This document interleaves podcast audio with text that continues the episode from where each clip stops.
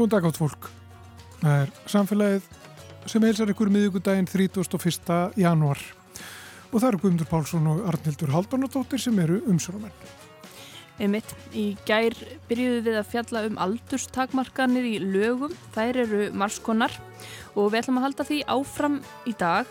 Ég kýtti nýlega á Alþingi til Liljur Anvegar Sigurgerstóttur Þingmanns framsóknar en hún hefur mikið velt þessu fyrir sér og lagði nýlega fram frumvarp á samt nokkrum samflokksmönnum það sem að lagt er til að hætt verði að gera þá kröfu að fórseti Íslands þurfi að vera orðin 35 ára á kjördag. Verkvæðstofan Verkís mun leiða umfangsmikið fjölþjóðlegt orkuskiptaverkefni sem er styrt af Európa-sambandinu og snýstum að aðlaga stort flutningarskip þannig að það geti nota rafeldsneiti í stað olju. Ammoniak, metanól og vettni koma þarna við sögu og kostnar við verkefnið er um 2,5 miljardur krónu. Kristján Dúi Nílsen, nýsköpunarstjóri Verkís, ætlar að segja okkur frá þessu verkefni á eftir. Við fáum svo eina málfarsminútu og svo kemur Edda Olgudóttir í vísindaspjallið. Hún ætlar að tala um livleysur, placebo. En við byrjum á aldurstakmarkunum.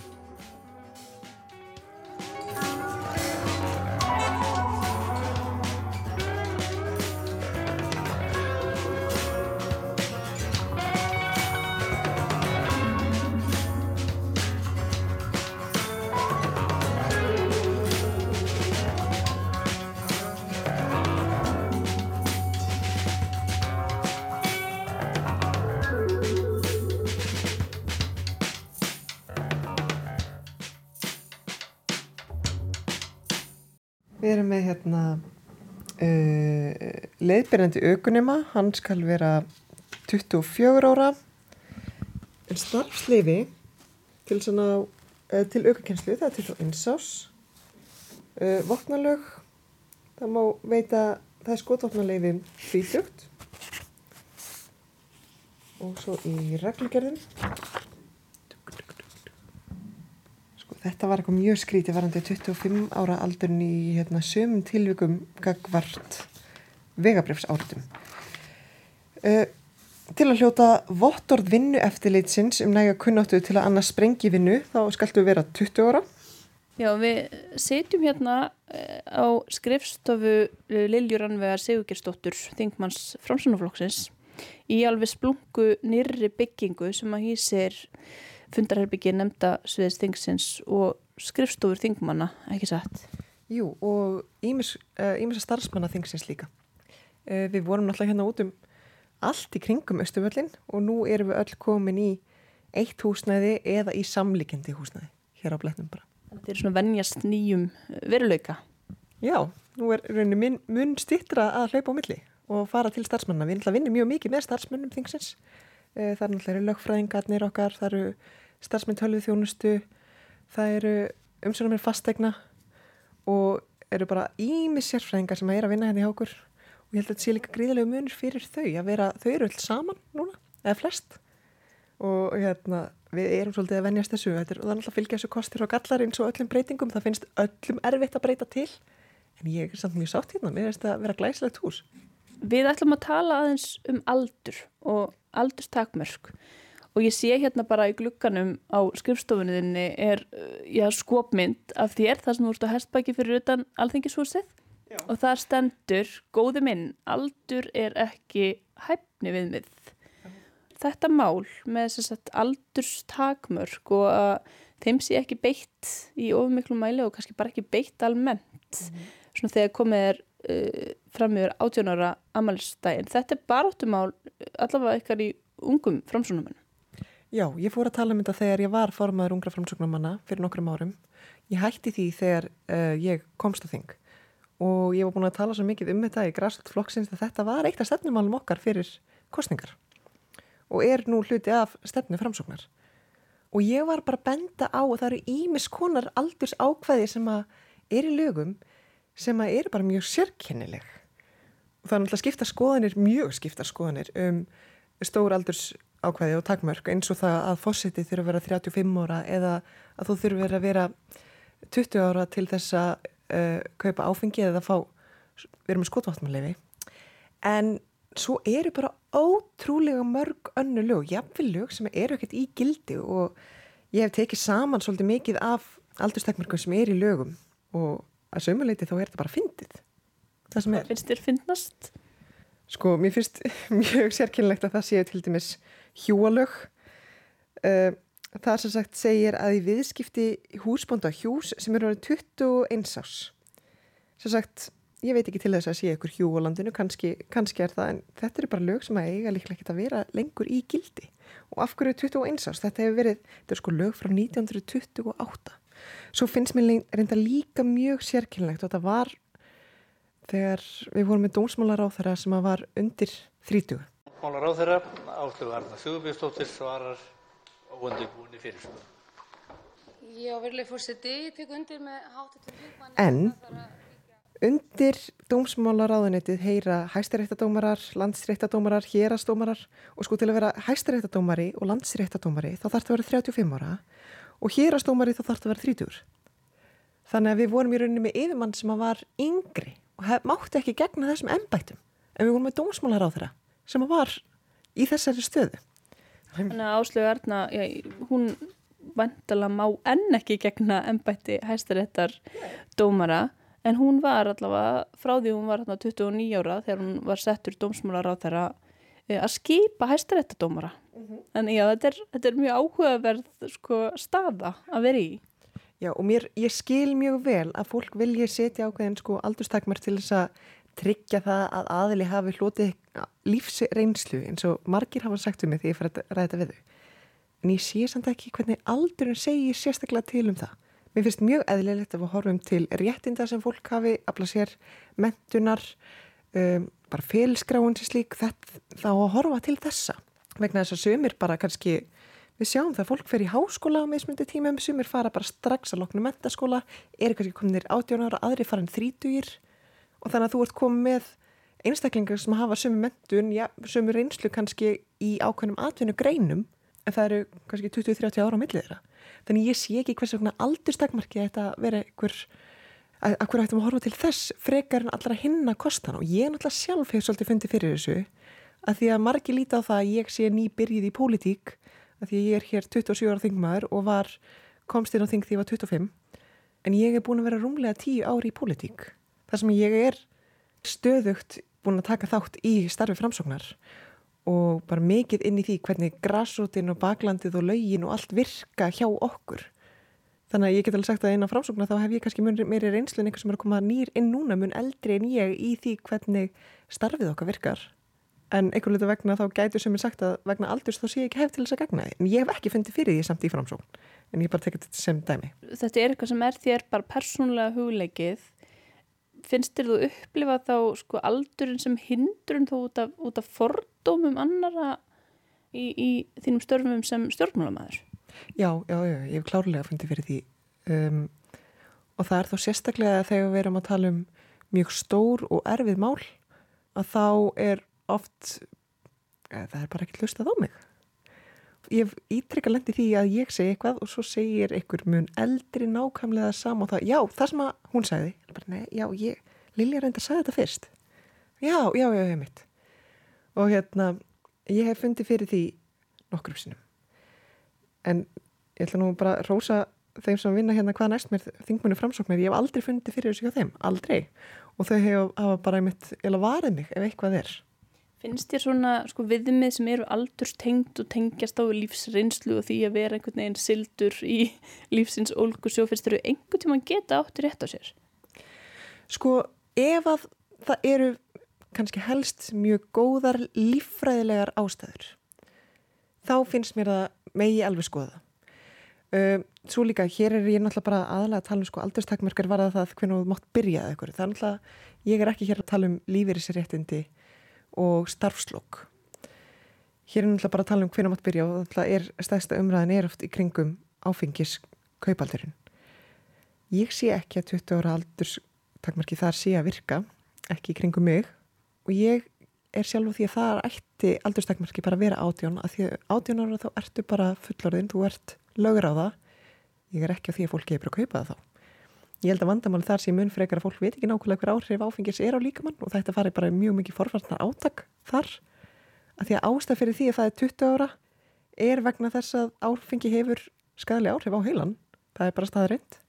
En ef við ættum að horfa til þess að hann hefur áhrif á framheilin og hann er fullmótar 25 ára þá ætti aldurstakmarki í rauninni að vera frekar 25 ára. Við erum aldrei að fara þetta er, mér finnst í rauninni að þetta eigi bræmitt alltaf vera 18 ára nema þessi mjög góð rauk fyrir þeim og ég hef ekki ennþá séð mjög góð rauka því mér sínist lang flest aldurstakmörk í lögum uh, vera bara eftir geðþóta þeirra sem settu lögin á þeim tíma.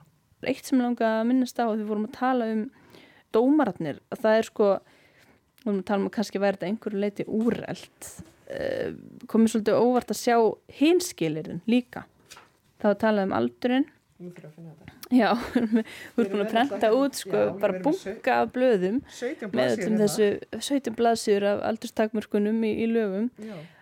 Já, þetta eru sérfróðir meðdómsmenn. Já, það er sko ímislegt í lögum er varðar uh, dómsmál sem að hafa ímiskunar aldurstakmörk og hérna til dæmis í lög um meðferð engamála þá segir að þá eina megi hviða til setu í dómi sem sér fróða meðdómsmenn sem hafa nægilegan þroska og andlegt og líkamlegt heilbriði njóta íslensk uh, ríkisborgarréttar, eru lögráða og orðnið 25 ára hafa forræðið á búi sínu og hafa kvorki hlutið fangilsistóm fyrir refsi verða verknað sem framinn var eftir að þeir urðu 18 ára nýja sínt af sér háttsemi sem getur ríta tröst sem dómarar verða almennt að njóta. Þetta, þetta er áhugavert og einmitt spurning hvort að, hvort að þetta sé nógu, nógu nútímalegt og svona í anda, anda samfélagsins í dag. Ég skil alveg suma punta sem koma fram í þessu en eins og það... Dómarar þurfa að njóta tröst. Já, já, en líkamlegt helbriði þýðir það að fólk sem að kannski getur ekki hlaupið marathón með ekki verið í þessu. Já, eða fólk sem er með líkamlega föllin, það er Já. að hljómar svolítið þannig með við, við, við þessi, þennan texta. Og svo má ekki fá, uh, já það segir hérna þann einn megi dómkveða til að framkvæma mat sem hefur náð 20 ára aldri, ekki megi að skipa stefnumótt nefn hann sé hann 25 ára og svo í lögum um meðferð sakamála að þann einn megi kveðja til sem dómtúlk, tákmálstúlk, þýðanda eða kunnutumann sem hefur náð 20 ára aldri. En þetta er bara meira en að segja það og rúglega gott fyrir fólk sem er einmitt á annarkvort 18 eða 20 ára ámæli að fá einhvers konar leiðarvísi til þess að vita hvernig það má hvað. Skoðar svona raukstuðningi greinagerðum og, og hvernig aldurinn er raukstutur eða, eða jafnvel því slefta að raukstuðja af hverju það er ákveðin aldurstakmörk? Já, ef við tökum til dæmis fórsetan, þegar stjórnarskráin var sett, þá var einmitt sá raukstýningur að sá sem að myndi gegna því embætti væri búin að hljóta mikla lífsreynslu. Og ég hef bara fullan skilning á því en þú ert náttúrulega búin að loka þá kannski 33-34 ára einstakling. Og þó að ég sé á því að mér finnist að fólk megi bjóðu sér fram 18 ára til þess að gegna stöðu fórseta þá er ég ekki að segja það að fórseti eigi að vera 18 ára, bara alls ekki Mér finnst náttúrulega að fórseti eigi bara að geta, hann þarf að sína fram á að hann hafi hæfni til þess að gegna þessu embætti, þess að býða sér fram í þetta. Og margi sem eru yfir 35 ára er, finnst mér ekki að hafa hæfni til þess. Ég gerir mjög miklar kröfu til þess að gegna embættis. En ég sé ekki hversin þetta banna 18-35 ára að býða sér fram. Þetta er ósalt dýrt, þetta er erfitt að býða sér fram í þetta. En þetta er rauninni, raugin sem voru var bara að tryggja það að það yrði einhver eldri til þess að vera verðilegur reynslu mikil einstaklingur. Og þá kjósum við bara þannig einstakling. Það er bara krafan sem við setjum. Þó við séum ekki með að formlegi stjórnarskráni okkur hefur tekist vel til finnst mér að kjósa fórsetta síðustu skipti. Og þeir hafa verið okkur til sóma en þeir þurftu líka að leggja mikið á sig til þess að vera í þessari stöðu og við sjáum það alveg að hérna, uh, kostningabartan hjá Vitisi Fimboðdóttur til mér, hún var mjög sérstök vegna þess að hún þurfti að tala fyrir því að konur gæti alveg sint þessu embætti sem er eitthvað sem við, þurfum, við tölum ekkert um það í dag. Það þótti mjög sérkynlegt uh, að ná því þeim frábæra árangri. En það voru mjög mörgum sem þótti þetta vera alveg fáralegt og það gæti ekki kona verið í þessari stöðu. Fólk hefur mismrendi skoðinir á því hvernig fórsett á að vera. Og það er bara meðluti ræður. Það er bara þannig með þessa stöðu. Það er bara eitt sem vinnur. Þannig að það er ekki að loka á uh, möguleikan að einhver frambærilegur 22 eða 27 eða, eða 34 geti fengið að setjast á bestastæði. Já, en við sjáum þetta líka bara eins og þau sem hafa gengt háum stöðum í Evrópu gegnum tíðina þá er ég að líta til konungsfjölskelduna meina Elisabeth drottning og Victoria drottning þær voru mjög ungar þegar tóku við sínum stöðum. En, og þær náttúrulega fengu gaggrinni á sig fyrir það en það gengdu samt sinni stöð og mér, að mér finnst mjög vel. Þetta er aðalega í kollinum á okkur held ég. Þetta er að vissu leiti bara aldursfordómara áætla það að fólk sem er á ákveðnum aldrei get ekki synd einhverju stöðum einungis út af aldrei Er mikið svona af einhverjum viðmiðum eða óskráðum reglum um það að á ákveðnum aldrei fólk að vera að gera þetta og ekki þetta og eftir ákveðin aldur eigi fólk ekki að gera eitthvað sem eru kannski bara heftandi eða hamlandi fyrir fólk. Svona þegar ég fyrir að hugsa þar að fyrsta sem ég dettir í hug sko, ég hef búin að vera mjög mikið í alþjóðastarfi og sérstaklega á Norðurlöndunum og þá fór ég að finna það að við hér, við erum kannski líka í svolítið öðrum takti eins og þegar kemur að því að gifta sig eða eignast börn, þá erum við svolítið fljótaði hér og ég finn það þegar ég er til dæmis hitti aðra unga þingmenn í Evrópu að þeim finnst alveg ótrúlegt að ég skulle vera 27 ára gift tvekja barna móðir og hafi samt komist á þennan stað og þeim finnst þetta bara fálegt. Þau segja mörga bara að það myndi enginn gera þetta í þeirra landi. Það er annarkvort eða kannski þar. Já. Og það er líka þegar ég fyrir að tala um fæðingarólfskerfið og að maðurinn minn hafi ekki meira fæðingarólf en ég, þeim finnst þetta bara algjörlega galið. Þannig að það er kannski, ég meira fundi fyrir þessi hináttina hvað við höfum reyni hleyft ungu fólki meira að borðinu heldur en annars þær heiminum að því að við erum í rauninni kannski hjálpastendu til hvað við erum lítið samfélag. Og að aðstæðar okkar er ekkit endilega að segja til um hæfn okkar. Það er meira bara hvað við segjum og hvað við gerum en það einmitt sínir það kannski betur hvað mörg af þessum aldurstakmerkum sem að voru sett fyrir mjög mörgum árum inn í laugin eru mörg sérkennileg. Þið lögðu nú fram frumvarp fimm úr framsunafloknum á dögunum það sem að þið svona fristi þess að þessu með fórsetta aldurstakmarki verði breytt. En það er kannski samt ekkert einfalt að gera það. Hæstfyrstir fórseti í gær þá læði ég fram frumvarp á samt fjórum öðrum þingmæri framsagnar um breytingu á stjórnarskráni og svo breyting varðan ákvæði sem er svo hljóðandi í dag með leifi fórseta Kjörgengur til fórseta er hver 35 ára gammal maður sem fullnægir skilirðum kostningaréttar til alþingis að fráskildum uh, búsetu skilirðum. Í því frumarfi sem við leggjum fram þá gerum við það að tiljóða okkar að 35 ára aldurstakmarkið verið fælt á brott. Þeir eru ekkert sérstaklega bjart sína að þetta gangi í gegn? Nei, sko, uh, ég býst við því að þurfa að endurflýta þetta mál.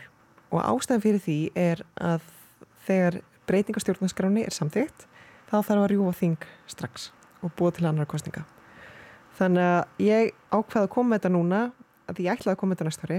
Ég ákvaði að koma með þetta núna vegna þess að það eru fórstöldkostningar og til að koma því inn í umræðina hvað það er að vissuleiti sérkennilegt að fólk sem er löguráðar sem er sangamt lögum fullorðið megi ekki bjóða sér fram en þetta hefur skapað mér skrautlegar umræður og það var viðbröðin verið Ég... Innan þings og utan. Sko innan þings þá skiptir þetta flokkum. Það er uh, í rauninni eins og við sjáum þetta bara bæði stjórn og stjórnar anstöðu þetta er bara personubundi hvað fólki finnist um þetta. Og þetta er bara personubundi í fjölskyldinu minni og ég fengi mörg símtil frá fjölskyldumöðlunum sem líst ekkert þessu hugmyndu og svo aðrir sem senda mér skilabóður hringi mig sem finnst alveg frábær hugmynd. Hefði ekkert pælt í þessu áður, þetta væri nú kannski svolítið skrítið. Líka kannski fæstir sem ganga með það í maganum að bjóða þessu fram þannig þau eru ekkert að velta þessu mikið fyrir sér en þetta er ég fór svo mikið að spá í þessu þegar ég fór að skoða öll aldursákveði og þetta er líklega það stærsta sem við höfum og þetta er elsta aldursviðmið alltaf þegar kemur að því að meiga gera eitthvað. Já, þetta og dómararnir. og svo dómararnir, það er 35 ára aldurstakmarkið. Og við heyrum náttúrulega að það er ekki alveg búið að klára húsnaði hérna þannig að það er eitthvað verið en þá að að gera og græja og bóra en þegar við hugsaum um þessi aldurstakmörk þetta er náttúrulega flókið. Þetta er hærra flækjust einhvern veginn að hafa þau svona mörg og vera ekki bara komin með öll réttindin átjónara en er það sko eh, hvert er í rauninni ykkar svona líkil markmið er það í rauninni að færa þetta niður í átjón þannig að þú veist yngri þegar þú færði þessi réttindi eða er það samræmið þannig að þetta sé einfaldara. Þú veist, væri ykkur sama þó að þetta væri bara allt um tvítugt til dæmis. Við erum að horfa til þess að þegar fullorðin, 18 ára, að þá fáiru öll þau réttindi sem að tilhera fullurum. Þannig að þú mátt fara að kaupa áfengi, þú mátt vera dýravörður, þú mátt sprengja jarðgung, fá byssuleifi og, og vera með sumarbúðir fyrir, fyrir börn. Þú mátt vera hreppstjóri og þú mátt vera fórstum að þeir skrást trúfélags eða lífskoðunafélags. Það er, það er svo ótrúlega mörglögun. Það, það sem ég hef verið að leggja áherslu á er að endur skoða þetta allt. Að því að við erum að sjá þetta sko, hreppstjórar þeir þurfa að vera 21 ás sem er nú kannski bara lög sem þarf að endur skoða í heild reyndar lögum hreppstjóra. Fórstuðumenn, trúfélaga og lífskoðunafélaga þau þurfa að vera 25 ára. Þannig að ég myndi vilja að allt færi í 18 ára og ef að það er eldra, ef að lögin eru sem sagt eitthvað herri en það, þá þurfa að færa fyrir því mjög góð rögg. Og ég ætla ekki að efast um það, það eru öruglega einhverju tilvíkum þar sem það er. En mér hefur gengið mjög erfiðleika að finna það. En það er ekki allir sammála Lilju Rannvegu eins og ég komst að þegar ég rætti við nokkrar konur í skeifunni í gerð og það svolítið óháð aldri. Hvað finnst þér um að maður þurfa að verða orðin, að vera orðin 35 ára til að megi að vera fórsett á Íslandi? Uh, mér finnst það bara mjög fínt. Ég myndi ekki velja hafa allavega minna. Það er meina, veist, bara fólk sé með mentun og hafi eitthvað smá vita á því sem það er að tala um. Finnst þið komið til greina að hækka þetta viðmið upp í kannski 40-45? Nei, kannski ekki. Ég myndi allavega ekki lækka. Og nafnið þitt? Kolbrún Kara. Hvað finnst þér um að fórsetið þurfa að vera 35 ára? Um, ég held að mikið alveg sæns eða svona. Út af orðin alveg hæfilega gaman, búin að lifa svolítið lengi og veist styrka hvað er í gangi á landinu. Ég myndi ekki treysta mér í allana núna. Ég þurfti alveg öruglega 15 ára uppátt. Og nafnið þitt? Uh, Lilja Ardóndóttir. Ég held bara að ég hef verið rosalega vittlaus fyrir 35 ára aldur þannig ég held sé bara gott.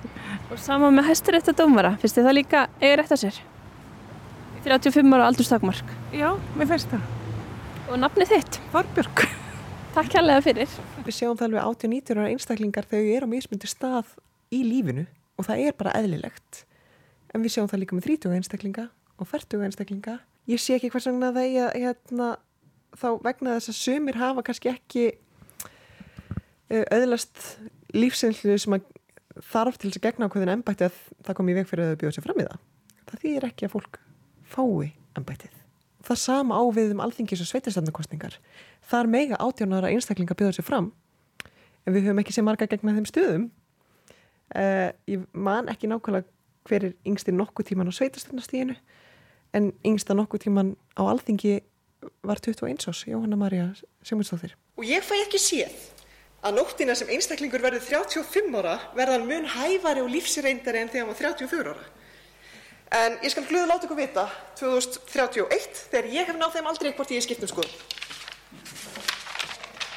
Þú talar um þetta skipti flokkum. Er þetta byrtingarmynd einhvers konar kynnslóðaríks? Snýst þetta um, um völd eða stöðu kynnslóðana? Örglað eitthvað litin. Ég held að sé líka bara að það er erfitt að breyta. Að því að mörg af þeim uh, aldurstakmörg sem að höfum verið að telja henni upp, það flestir sammála að megi laga það. Þau sem að kannski í rauninni skipta ekkit gríðilegu málu og er ekki stór pólitíska álítamál.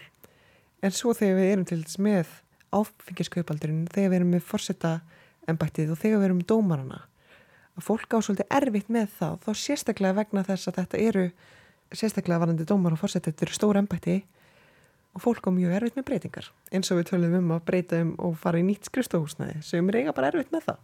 Finnst að ljúka þessu svona aðeins búin að fara heilan ring. Takk fyrir að ræða þessi mál.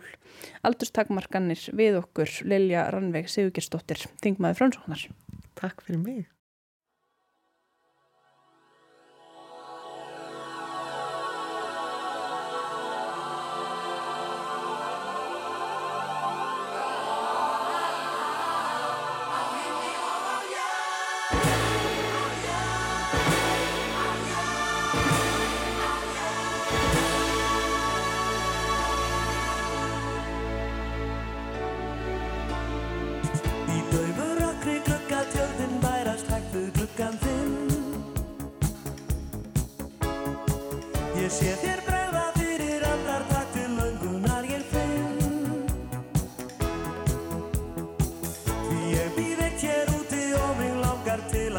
En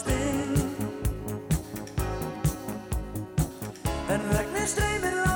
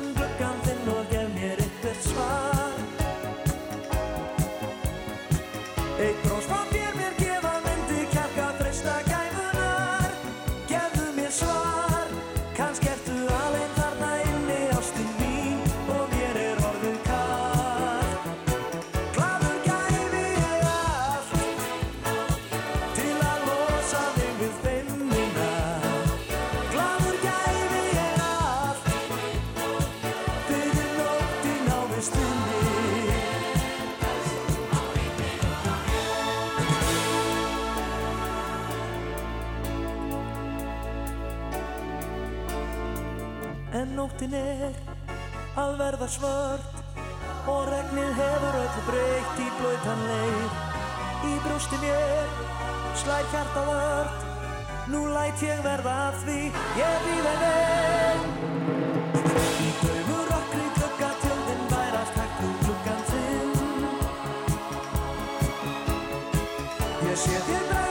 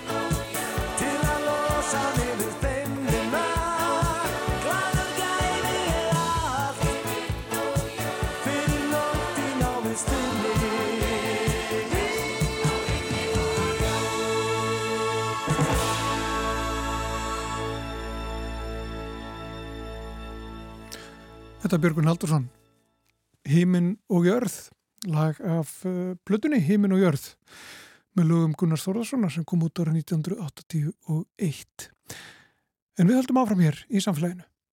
Það var sestur hjá okkur Kjartan Dúe Nílsen. Hann er nýsköpunarstjóri hjá verkvæðstofunni Verkís. Verður velkomin til okkar í samfélagið. Takk fyrir það.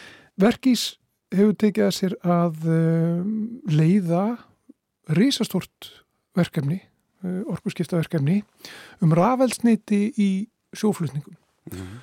og um, þetta er uh, verkefni sem er styrt af Hörbursabandinu, ekki satt? Passar, já. Og er, er þetta, þetta er fjölþjóðlegt verkefni? Já, já. Þetta eru 16 aðalar frá, frá 11 Európlöndum, Já. blanda fyrirtækjum og, og rannsóknarstofnunum. Þannig að þetta er, saman er að leggja hérna mikið hugvit inn í þessa, þessa, þetta verkefni sem er 5 ára verkefni og hefst eða hófst núna í hérna byrjun janúar og svo er einmitt svona startfundur, kickoffundur núna bara í næstu viku í Amsterdam. Já. Þannig að þetta er bara rosa spennandi. Um, og getur þú útskipt fyrir okkur um hvað þetta snýst? Þetta snýst um, um uh, að breyta flutningaskipi, ítölsku flutningaskipi Mhm. þannig að það uh, geti nýtt uh, aðra orkugjafa en, en olju, Já. rafelsneiti í, í þessu tilfelli. Hárétt. Sko markmið með þessu er rauninni svona, svona stóru markmiðin er að gera sjóflutninga umhverfisvætni. E, sjóflutningar eru að valda rúmlega 2,5% af gróðursa loftegundum í heiminum.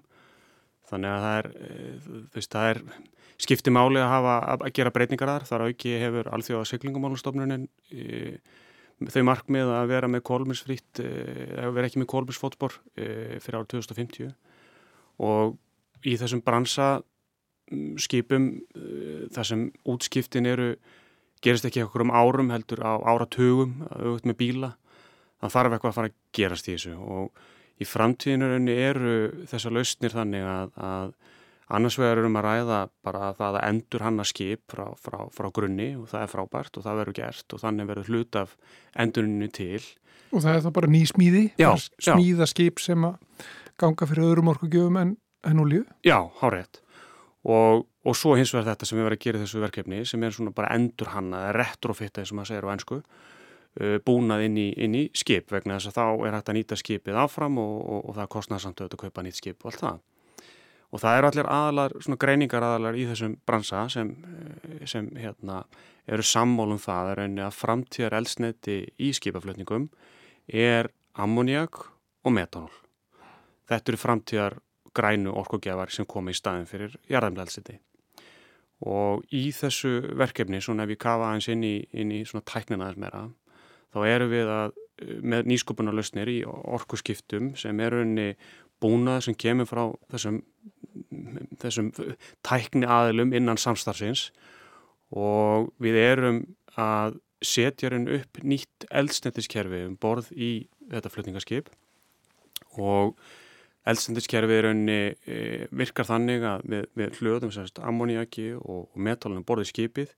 Því er umbreytt yfir í vettni með mjög flottri tækni og svo er það reynsað mannari tækni og svo er það keirt í gegnum efnarafal, fjúlselu og út úr því kemur ramagn og þá er það ramagn keirt inn á varaafvel skipsins e, í staðin fyrir að svo vél sé þá að eigða jarðarmleldsetti e, og svo er það meirins að þannig að það eru verið að nota sólasellur á svona flutningaskipum, svona þetta er kallað bölkskip á einsku þá eru svona stórir, stórir hlerar og veru, þau verða klættir af, af, af sólarsellum og þá eru sem framlega þá ramagn og þær eru þá notaðar til þess að keira þessa þess að kalla reformer og krakkertækni sem umbreyta, umbreyta hérna, grænu, grænu aðstöðunni yfir í vettni. Þannig að við erum að reyna að gera þetta eins svona hérna, umhverfsvænt og, og hægt er. Sko. Já, þannig að, þannig að elsneitunni er breytt í vettni mm -hmm. og vettnið verður síðan ramagni. Hárið. Og, og er, þá eru vélarnar kerðar áfram af ramagni eða hvað? Já, að því rauninni eru þessir varafleilin í dag, hún er kerði rauninni e, hérna af jarnabelsniti en út úr því kemur ramag sem fyrir hún kerfi. Þetta er að vilt vera að keira alls konar svona aukabúnaðum borði, borði í skipinu.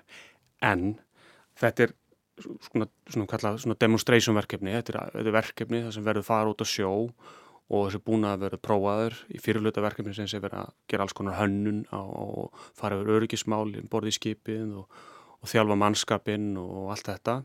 Búið til prototípu af þessum, þessum hlutum sem reyndar eru til prototípur en það er verið að stækka þessar prototípur þannig að það er verið að, að hérna, gera búnaðin kláran fyrir, fyrir skipsverðina og þá verður þetta allt saman testað og í rauninni er það þannig að, að um, ef að þetta sýnir fram á gildi sitt þá er markmið á endanum, það er ekki innan þessa verkefnis, en þá er það markmið á endanum að, að þá var ekki til því fyrirstuð að skipta bara út uh, megin april skipsins, þannig að við, skipi sér bara einfallega knúið af þessu búnaði, þannig að það er, er hérna mjög spennandi mm. og þar eru náttúrulega alvöru áhrifin sem fengist fram, þannig að skipi væri bara algjörlega knúið af þessum, þessum hérna, grænu orkugjöfum í staðin fyrir jarðanbæðstiti. Já og það er markmiðið í rauninni að, að komast að því hvort það sé hægt. Já, já, það er bara veist, virkar þessi tækni og, og hérna og er þetta sanna fram á öllu öryggismál og alla staðla og allt sem þarf til og þá er rauninni og í þessu verkefni,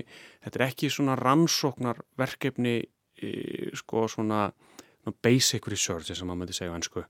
Þetta er hérna applied research eða, eða, eða svona nýskupunarverkefni sem er nálagt markaði þannig að lausnirnar eru að búið að prófa þær og þróa þær og það er bara að vera að þróa þær og starri skala núna og, og innan verkefnisins, allan í lókverkefnisins eiga þessar vörur vera komnar á markað. Þannig að þetta er eitthvað sem ætti bara að gerast, áhrifin af verkefni gerast bara strax undir lókverkefnisins eða strax í kjölfarið. Ó.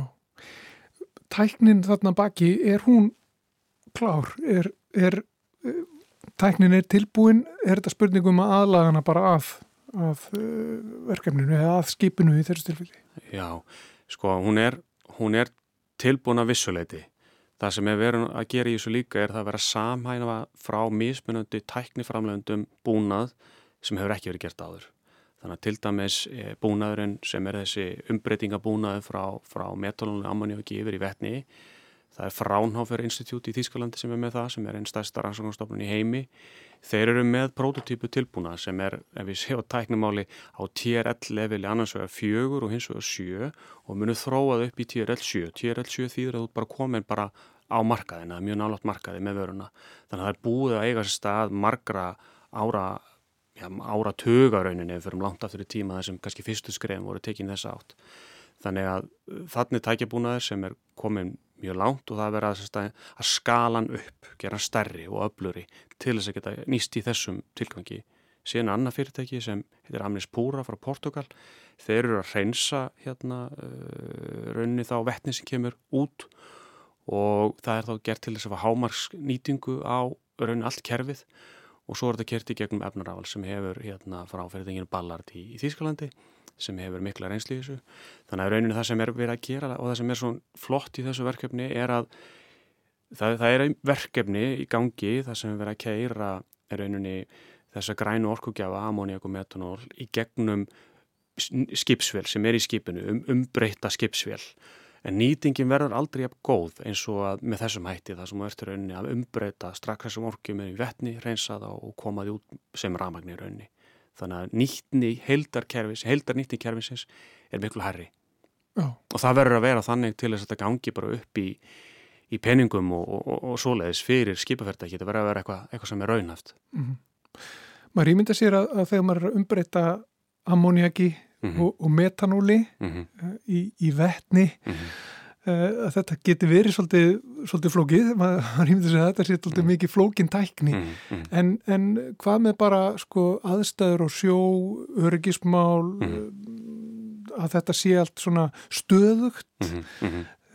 þetta lítur að vera daldið krefjandi Já, og það er, er sko grundvallar atriði verkefninsins líka að finna út úr þessu, það er að tengja saman þessa mismöndi tækni og tryggja öryggi, fara yfir og verkís er rauninni fyrir utan það að leiða verkefni, sem sjáum verkefni stjórnum verkefnisins, sem bara svona, eins og ég nefni það með okkur finnst að það er mjög mikill heiður það er ekkit sjálfsagt að, að leiða svona mikla peninga og marga flotta aðila það er bara að vera með það traust. En við erum semst að sinna í þessu verkefni öðrum þáttum eins og til dæmis við erum að sjá um alla lagnahönnu sem tengist þessu, þessu græna eldsneiti inn í skipinu.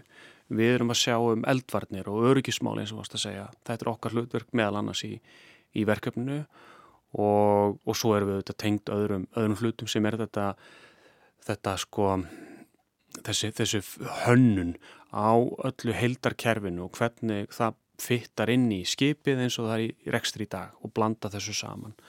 Þannig að þetta er, þetta eru, þetta eru 16 aðlar sem allir eru mjög mikilvægur inn í verkefni, allir með sína sérþekkingu, þannig að saman eru við að, gera það verkum að, að, að það er hægt að leysa þessi mjög svo floknu mál og, og prófa út á, út á sjó.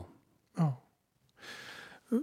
Þetta er stort og mikið verkefni og eins og þú segir sko það eru miklu peningar hann undir. Mm. þetta eru 2,5 miljardur eða ekki já, sem að eru laðir í þetta verkefni. Og það er Európa-sambandi sem styrkir þetta Já, sérst, þetta er unni þannig að þetta eru 2,5 miljardur sem er heldar kostnaður verkefnisins. Európa-sambandi er með aðeins lægur upphæð að því fyrirtækin þá meðalans verkís eru þá að láta 30% móti inn í verkefni sem sýnir þá líka að við erum tilbúin að leggja eitthvað til málana að við höfum trú á þessu og það er unni markmið okkar á endanum að, að, hérna, að nýta þess og það kannski svona bara, bara svona auglísa raunin eftir því. Við viljum í rauninni nýta það að draga, við erum að draga þarna frábara þekkingu heim í hús, heim til lands í rauninni og við viljum gerna nýta þessa þekkingu og búa til íslensk verkefni e, með þessa þekkingu á baki og vinna með sem flestum aðlum á Íslandi að koma hlutum á reyfingu hér. Þannig að það er líka mjög spennandi, eitthvað svona afleiða af þessu verkefni. Mm. Um, hvað mun þetta taka langa tíma þetta verkefni og svo hvenar muniði svona átt ykkur á því hvort þetta sé raunhæft og, og borgi sig að, að Mhm. ráðast í þá það að bara já, setja þetta á markað ef maður getur orðað sem, sem svo. Mhm. Þetta er fimm ára verkefni uh, svona eftir svona eitt og halvt ár þá erum við að vera, s- svona, vera skýra það með þessa prototípu eða skölun á prototípunu og alls konar prófum á því eitt og halvt tvö ár. Um, svo er það raunin þannig eftir svona þrjú og halvt ár þá erum við að byrja að endur hanna skipið þá búa að kanna alls konar öryggismál og, og fara við staðlásulegis en svo er raunin sjálft testið í kringum ár fjögur. Þannig að þetta er, þetta er þetta tekur langan tíma uh, og, og auðvitað fáum ekki tilskynni leifi til þess að fara út að sjó og prófa þetta nema allir þessu hluti sé í lægi að, og af því þetta er svo mikil nýsköpun í þessu verkefni þá er þá, þá munum hu- hu- 100% komum alls konar, alls konar hluti sem þarf að skoða og laga og fara öðruvísi heldur en maður bjóst kannski við upphafi. Það er bara eðlilegt í, í svona, svona verkefni. Af hverju verkís í þessu verkefni? Við rauninni höfum verið að, að hérna, svona stimpla okkur svolítið þannig inn, verkið sér rauninni stofa sem, uh, verkvæði stofa sem tók svolítið þátt í, í svona hvað sem má segja fyrri orkskiptum, fyrri orkskipti þar að segja jarðefna, hérna, jarðvarminn og, og, hit, hitaveitan og allt það. Og verkið svo stóð, var mjög, mjög framalega þar. Um, og við erum svolítið að nýta þekkingu og við rauninni seljum okkur hlutu til inn í þetta verkefni eh, að, að byggt á þeim, þeim verkefnum eða þeirri reynslu að þetta snýst þá í til dæmis í pípuhönnunum, háan hita, mikinn þrýsting og hluti sem við erum búin að læra þá í því. Og svo erum við uh, með annað orkuskiptaverkefni í gangi sem heitir Visper. Ég skil alveg að fólk rugglar þessu saman en það snýst um orkuskipt og sjó líka. En það snýrað að uh, sólar og vindorkulösnum en þetta snýrað að rafelsnettislösnum þannig að við erum í raunin að keira þessi tvö verkefni upp á fjóra miljardar og við erum að leiða bæði þessu verkefni. Já. Og er þetta samþætta þessu verkefni eitthvað nátt? Sjáum við það fyrir sér að það sé hægt að gera það séu margar tæknilausnir einhvern veginn sem að er hægt að nýta á sama tíma um borðið Mm. sömu skipum. Mhm. Það er einmitt sko, eru nokkur fyrirtæki sem eru í báðum verkefnum. Það er að segja verkís, skipafyrirtækið uh, og svo líka meðalans þetta fyrirtæki sem er með þessar sólarselur. Þannig að það er einmitt verið að, það er í báðum verkefnum að vera að prófa þessar sólarselur. Þannig að þá er ákveðin samþætting þarna á milli. En þetta er öðruvísi tækni búnaður í, í grunninn en, en jú, það eru klárlega ákveðinir svona ákveðin samlegar áhrif í gegnum verkefnin. Já. Við skulum bara ljúka þessu svona, þetta er spennandi verkefni, það er hægt að skoða þetta náttúrulega á, á heimasíðun ykkar, verkís.is, það er hægt að fræðast meira um þetta og þannig mynda þessu skipi, Já. er það ekki? Þetta er, þetta er rétt skip Jú. sem myndir er af?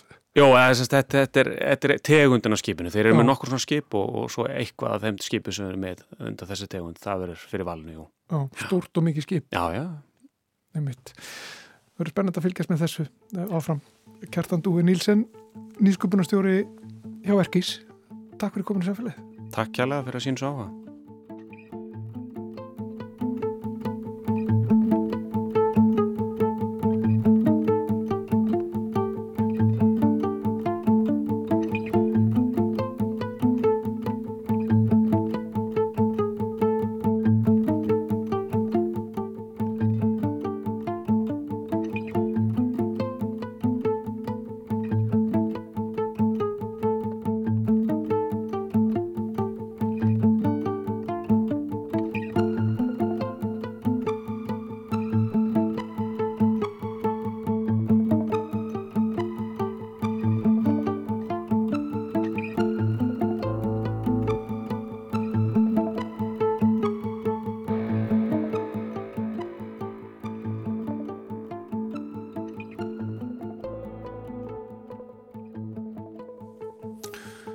Um en eftir að ræða hér við Eddu Olgudóttur.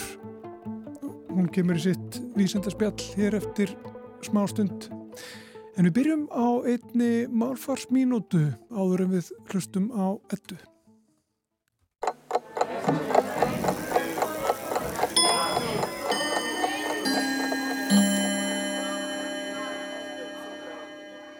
Ástarsambönd eru margvísleg og fjöldi orða er til um fólk sem á í ástarsambandi. Af orðunum má ráða hvernig sambandinu er háttað. Kærustur og kærastar eru ógift og ólofað fólk. Unnustur og unnustar eru trúlofað fólk. Hjón er fólk sem gengið hefur í hjónaband og áþaraflegandi oftast í ástarsambandi. Gift fólk kallast eigin konur, eigin menn og eigin kvár. Og þar sem ástarsamband eru fjölbreytt þekkist það líka að gift fólk sé í ástarsambandi við annað fólk en það er gift. Slíkt ástand eða samband kallast framhjáhald en fólki sem á í þessu sambandi hefur ímis heiti. Einast líka orðið sem gerir ekki upp á milli kynja er líklega orðið viðhald, dreigið af orðasambandinu að halda við manneskjuna sem viðkomandi er í ástarsambandi við.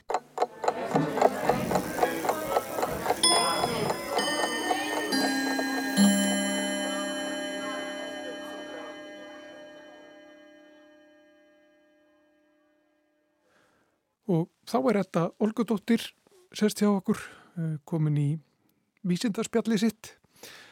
Og með henni er Hjalti Lilli, þryggja mánuða sem að kannski leggur orði í belg, sjáum til með það. Velkomin þetta, hvað ætlum við að tala um í dag?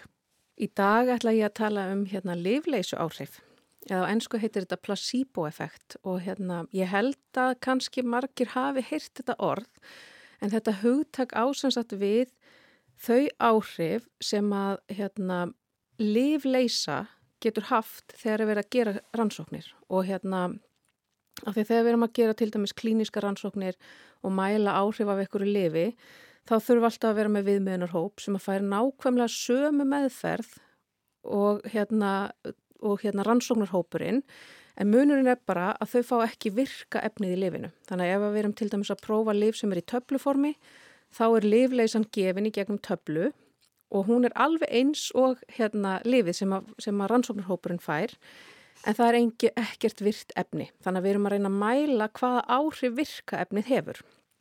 Og það er mjög þekkt að þegar að fólk fer í svona hérna, rannsókn og þetta á líka við um dýr í raun og veru að þá þurfum við líka að hafa svona kontrollhóp meina ég og það er vel þekkt að þegar fólk tekur þátt í svona rannsókn að þá hérna, mælast áhrif af livleysunni.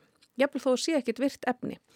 Og þessi áhrif geta verið mjög sterk og ég hef heyrt talað um sko að hérna, livleysu áhrif geta skýrt alltaf 30% af virkni livja sem er rosalega hátala.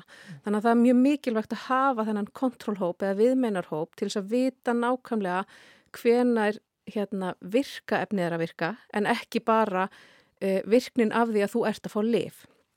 Og þetta hefur alveg verið rannsakað en við vitum samt ekki nákvæmlega af hverju þetta gerist og hérna það fyrsta kannski sem að fólki dettur í hug er að þessi áhrif séu ímyndun af því að þú heldur að sérst að fá eitthvað liv og þá ímyndir að þeirra þér líði betur. Kannski er verið að taka lifi verkjum eða eitthvað slíkt og þá heldur bara að þér líði betur. En við höfum samt geta mælt sko, þegar að fólk fær til dæmis livleysu við verkja, verkjum þá mælum við að það hérna, ekst streymi af uh, endorfín og, og, og hérna, þessum hormónum sem að láta okkur líða vel. Þannig að þetta er ekki engöngu ímyndun. Heldur fer eitthvað svona lífeylisfræðileg hérna, bara virkni í gang. Mm. Og meira segja hafa suma rannsóknir sínt sko þegar að fólk fær til dæmis hérna, pillu sem á að láta þig, á að örfa þig, halda þér vakandi þá hækkar blóðþrýstingurinn. Þannig að þetta er ekki bara efni fara að streyma heldur hérna mælum við þetta á bara lífæðlisfræðilega. Og suma rannsóknir hafa meira segja hérna mælt livleysu áhrif hjá fólki sem veit að það er að taka livleysu. Og það er náttúrulega mjög merkilegt vegna þess að þá ertu eiginlega farin að meðhöndla sjúkdóm með getum bara sagt snákóli sko, af því að þetta er ekki raunverulegt lif uh, og þessi sjúkdómar eru til dæmis þunglindi, uh, magabólgur, uh, breytingaskeiðið. Það, þessi sjúkdómar hafa, við höfum sér ansóknir þar sem að, að sést að þeir hérna, eru meðhandlanleir með livleysu. En það er samt ekki þannig, við getum samt ekki farið að nota livleysu sem liv vegna þess að hún er svo ódreiknarleg og við höfum ekki mæli hverða á það sko, hvaða, hversu mikla livleysu á ég að gefa til þess að þetta, þessi kvilli lægist. Mm -hmm. uh, en þetta er náttúrulega mjög áhugavert, hérna, áhugavert efni sko hvernig livleysan virkar. og svo núna í byrjun janúar þá var vísindahópur uh, í New York að byrta rannsókn þar sem að þau hérna er að mæla í raun og veru hvort að lifleysu áhrifin geti verið í, á ákveðnum, geti haft stígul og þá, þau gera það með því að fá til sín þáttakandur sem að e, reykja. Og þetta er sem sagt fólk sem að eru virkir reykingamenn eða konur og hérna reykja minnstakosti tíu síkaretur á dag. Og þau eru fenginn til að hérna, veipa rafsíkaretur sem að allar hafa sama styrkin en þau rey, veipa þær í þrýgang og er sagt í fyrsta skipti að það sé lítið nikotín, svo er þeim sagt að það sé meðal nikotín og svo er þeim sagt að það sé mikið nikotín í, hérna, í rafrættunni en í rauninni er alltaf sami styrkur, ekkur meðal styrkur í rafrættunni og þau hérna, veipa þetta og svo mæla þau, til dæmis mæla þau sko hversu mikið þau veipa af hérna, vögvanum og þau mæla líka í munvatni uh, efni sem heitir kótitín sem að, sem, eða kótinín segja sem að hérna er einhvers konar afleiða af nikotíni og er þá mæli hvarði á það sko hvort að þau hafa, hversu mikið nikotín hefur farið inn í kerfið hjá þeim og svo skoðaðu hérna, heilasvæðin sem virkjast í þalamus eða stúku sem virkjast við það að nikotín binst á viðtaka þar og þau sjá að virkjunin í heilanum að hún fer eftir því hversu mikið þáttakendur halda að þau sé að veipa. Þannig að, virkjunin hún við, hérna, helst í hendur við það hversu hérna, hárstyrkur viðkomandi heldur hann sé að fá. Þannig að ef þú heldur og sért bara að reykja eitthvað sem er, eða veipa, eitthvað sem er í lágum styrk, þá verður lítil virkun í undirstúkunni. Og þetta er ótrúlega merkilegt vegna þess að þarna eru í raun og veru lifleysu áhrifin sko farin að yfirstíga virkaefnið. Vegna þess að, að hérna, ef að viðkomandi heldur hann sé að fá lítið nikotín inn í líkamann, að þá er það það sem að ræður því hversu mikið virkjast í heilanum. En samt sem áður er nikotínmagni sem kemur alltaf inn mun meira og það er eins og þeir, hérna, það efni sé ekki að setjast á þá viðtaka sem eru til staðar vegna þess að viðkomandi heldur að þeir sé ekki þarna, að efni sé ekki til staðar. Já. Um, maður heirt líka af sko fólki sem er mikla verki Kemi. sem hefur tekið þátt í svona rannsóknum og, og verkinir hafa lagast. Fólki hefur sagt að það sé að taka lifleysu Einmitt. og því búið að halda því áfram og það hefur þegið það og, og það hefur bara gengið ágætlega að halda niður í verkum með, með þeim hætti. Það þýðir ekki að fólk sé að ímynda sér að það sé með verki. Það er sannarlega með verki eða hvað? Já, það er sannarlega með verki og það er líka sannarlega að læknast af þeim. Það er ekki heldur að ímynda sér að verkurinn sé minni vegna þess að, að maður getur stundum sko platað sig, maður getur, þú veist, þú sefur ítla eina nóttina og þú platar þig bara til að halda að þú hafur ekki sofið ítla eða þú sért ekki þreytur, en þetta er ekki það, heldur eru við að virkja einhvers konar flæði á einhverjum efnum sem að lætur fólki líða betur. Mm -hmm. og hérna það hafa alveg verið umræður um það að nota lifleysu áhrif. Þegar að fólk er komið á endastöð með einhvers konar, með sína meðferð að nota þá bara livleysu og segja fólki þá að þetta sé livleysa en hún gæti mögulega haft jákvæð áhrif samt sem áður. Ég held að alveg örgla að það sé hverki gert vegna þess að það er í raun og veru uh, við, að því við vitum ekki hversu mikil áhrif þau hafa og það, við, vit, við getum ekki sko verið að, að meðhöndla eitthvað með lifi sem við mælum í raun og veru ekki vegna þess að við vitum ekki hvað virka efnið í livleysunni er. Uh, en svo eins og þessi rannsók þar sem að nikotínið sínir að þar sem þau sína fram á að, að, hérna, að þáttakandur uh, upplifa meiri nikotínvímu en þau fá í raun og veru eða minni nikotínvímu en þau fá að það getur líka verið eitthvað sem við getum nota til að hjálpa við meðhandlun hérna, uh, fíkla og fíknar. Vegna þess að ef, þú, ef við getum virkjað viðtakana í heilanum sem er að býða eftir að fá efnið og fá hérna, fixið sem að fíknin er að kalla á, að þá getur við trappa fólk niður mögulega uh, á þeim fíknefnum sem að þau eru háð og þannig í raun og veru losa þau undan fíkninni.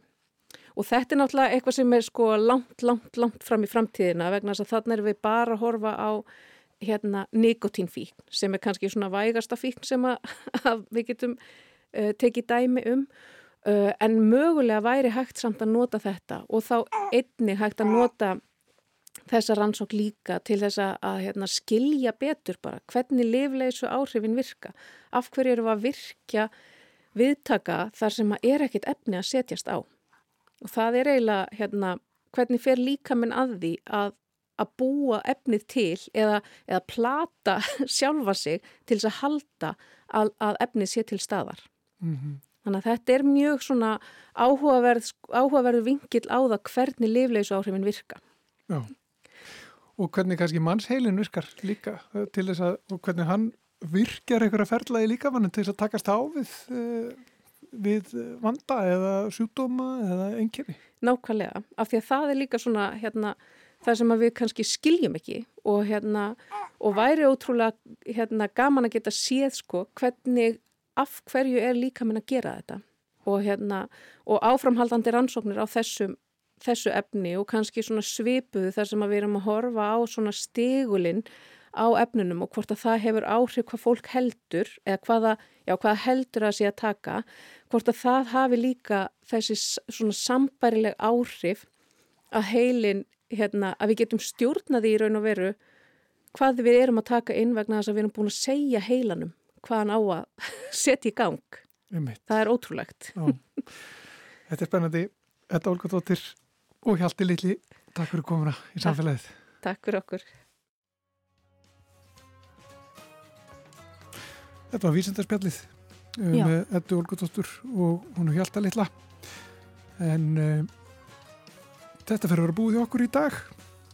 Já, samfélagið verður aftur á dagskráni á morgun. Já, það er kannski rétt að, að minnast á það. Það eru gular veður viðvaranir e, í gangi núna hér á höfuborgarsvæðinu, Suðurlandi, Faxaflóa og Suðausturlandi og verða í gangi fram eftir degi um að gera að kynna sér þessar viðvaranir og uh, fara öllum með gátt í umferðinni. Við sjáum hér út úr gluggan í stúdíu nr. 6 í eftirleiti að það er Þetta verðist alltaf ganga eftir að við sjáum ek- ekkert. Nei, við sjáum ekki.